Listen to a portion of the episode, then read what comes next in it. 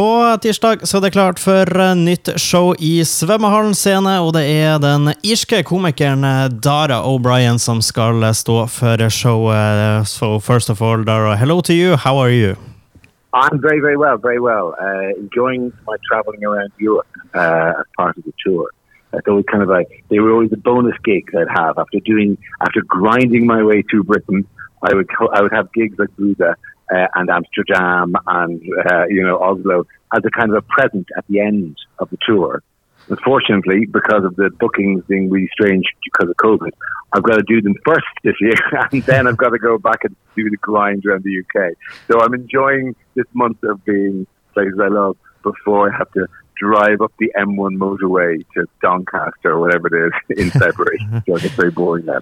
Yeah, because because the the first thing I wanted to know was if uh, it was busy on tour, but now you don't have to answer that because I can hear that. But uh, a follow up question on that though: uh, when you travel as much as you do, and uh, with your last show, it was shown over 180 times. Do do you have track on how many countries you visit and show you make?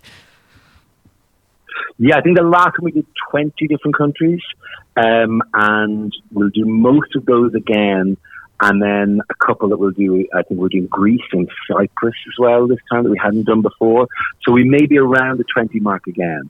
Um, as I said, it's, it's, one of the huge surprises to us because obviously you start doing comedy as I did in Ireland, and then you move to London, you do some shows there, and then as this is all happening, clips were appearing on the internet or BBC shows are being shown around the world, and suddenly you find out you're in northern Norway in the snow in January doing a show, and you go, and and it's a thing that I've, I've now stopped asking because all, you know, Norway has been there so often today, uh, but it is a thing that you do find that talking to locals and going, why are you here? How do you how do you even know who I am? Uh, and so, but they seem to keep coming. And it, it, a lot of the places I go, uh, for example, uh, Holland, was a place I went before I got to Norway.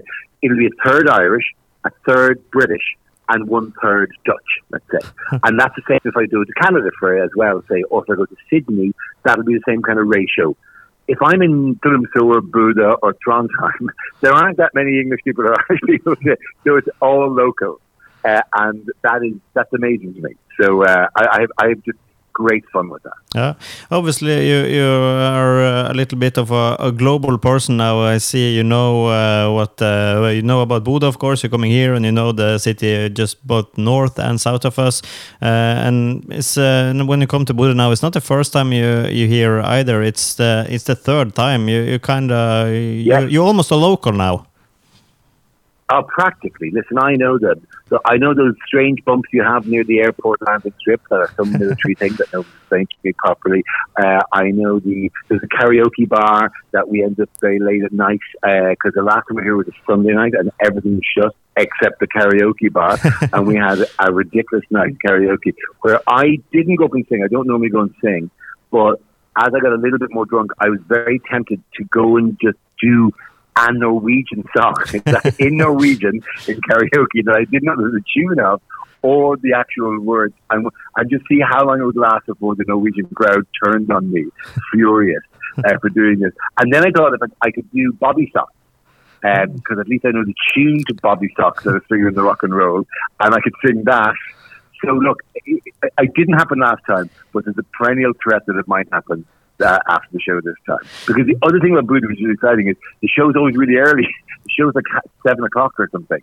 Um, I'm not sure if that's the case still, but it was when we did on the Sunday night, and that's amazingly early. For my body was not ready for that at all. uh, I've just eaten, I just eaten a heavy heaven from Pepe's, and it was it was landing as the show started. so to say. So, uh, oh no, I've had I've had some great, and I've been on, on that restaurant on the top of whatever the hotel is overlooking the whole thing. I've, I've had some fantastic times in Bodø, I have to say. It's been very good to me. So so the show will be nice in Bodø, but uh, the night out uh, after uh, probably probably as good. Uh, Look, I, that's not the only reason I do, that's not the only reason I do it, but it's uh, it's part of the reason. it's just because if you're going to travel all over the place, you might as well enjoy yourself. Uh, for sure. Um, about, about your show, um, I, have listened to some of your show earlier, and, and something I've reckoned when, when I see your show is that when you're really in the zone, when you're really like, uh, now I'm going to make this point, you, you start to talk really fast and really Irish. Do people here understand you at all when you come to that point? Uh, that is a danger, and I do have to remind myself not to do that. Uh, but it is very difficult when I get excited. Probably in this conversation, it's happened a few times. When I get excited, also though, that's it, it isn't the case of people in Ireland often miss things, and in Britain often miss things. I think the the effect it sort of has is that you hear a cascade of ideas, me throwing them all out really fast, and some you get, some you some some go past you really quickly, and it's sort of knocking the audience off its kilter slightly which may be a brilliant writing technique or maybe a terrible writing technique. I will wait to the end of my career when somebody will tell me, I know that you wasted your time doing that. the, uh, but it is a thing that's always been a characteristic of what I do is that when I start, especially the improvising bits in the audience, the ideas don't arrive as as nicely formed jokes. They arrive as just a cascade of different ideas. Oh, that'll be cool like that, and this and that, and then I could just bring that in, and and so it ends up looking just being this stream properly stream of conscious kind of a flow of stuff. And yeah, I think the point is I've always rationalized it as you're not supposed to get all of it. And if actually you heard all of it, you probably go, well, that was not very good. Um, but, but there's enough in it for you to, for it to carry you along. but then when the actual, I mean, that's, that's only a part, that's like, it's 10, 15 minute part of the show. In this particular show as well, there's a, there's a story, there's an actual story in the second half which kind of comes, you don't, you're not expecting it, comes to know it. And that story is explained very patiently, and, and the turning of that is very, very, much more professional. You'll be glad to know that for most of the show, I genuinely look like someone who's done this for 25 years. I'm not just a man gabbling really quickly. Probably smart. Uh, you said a little bit about the show now, but uh, this show is uh, called So Where Were We? Kind of uh, fitting we said uh, thinking about we were in the COVID and now we're back. Uh, can you talk us a little bit through it? Uh, what, what, are you uh, going yeah, to bring in the show? I'm always wary. I'm always wary of, of say, giving too much away in case people because it's a bit like asking a band, "Look, can you tell us what the story of the album is?" And they go, "No, it's just it's just a series of songs." Um, but the uh, but there is like uh, where where we is about kind of um, the kind of reunions after COVID, I suppose, was, was, was the implication. But the, the show title was written a long time in advance of the show. The uh, but actually, then the show became about a different other reunion, and then and then there's one big story about a particular reunion that appears in a later part of the show. But then there's just a lot of messing around about uh, stories about traveling and stories about.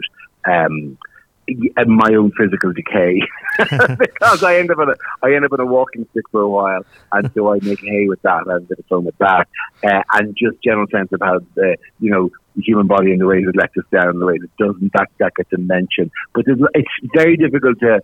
I'm always wary of of narrowing it down in case people go, no, I, I'm not sure if I want to see a show about that. Whereas, really, the point is, I'll get you in the room and then I'll just take you where, where I'm going to take you, like, and, and, and you'll enjoy it. Yeah. So the uh, I could um, I could I could I could read you my latest review, but it's all in Dutch because um, Volkskrant, the newspaper here, came on to the show in Eindhoven and gave it a very nice review. But I don't. I can only see. I I I have to Google translate it to read it out to you. yeah. Uh, come to the show and, and you will see it's uh, it's a good uh, message. Uh, the tickets uh, for uh, those you listening, you can buy on the website of the. Svømmehallen Scene is uh, it uh, called, so go there and buy uh, tickets. And lastly, those who are now thinking, should I buy, should I not? do you want to tell them why they should? Oh, look, come on, it's Tuesday night. It will be dark. It'll be nothing. It's in January, for God's sake. Uh, come to the show. It'll be it'll be a small point of light uh, in a generally dark winter. The uh, I mean, there is. It's not by fluke, by the way, that I come to northern Norway. Always in January. We're even going to Svalbard on oh. this particular leg of the tour. That will be yeah. Cold. I mean, the uh, we it will be it'll be very cold, but also very northern lights. So uh, a part of it is just because it's an amazing part of the world, so I want to be there uh, during one of the extreme parts of the year. Like so, we either go midsummer or midwinter.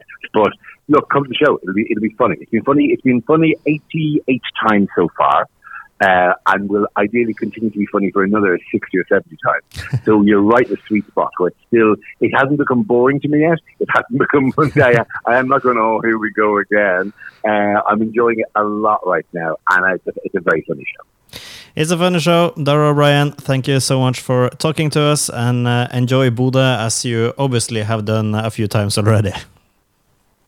I, indeed. And also, by the way, I will be doing a brand new, the best joke about the Norwegian language ever written. I'm, I'm not, I'm not backing down on this. I have a fantastic joke about Norwegian, uh, about a particular phrase in Norwegian that I can only do in Norway, and so I only get to do it ten times in the tour. It's really killing me that I only like, like it's pointless trying to explain it to anyone else. But it's a great joke about Norwegian. So yeah, come for that joke. It's nothing else. I'm looking forward to hear it. Tickets at svomahalnscene.no.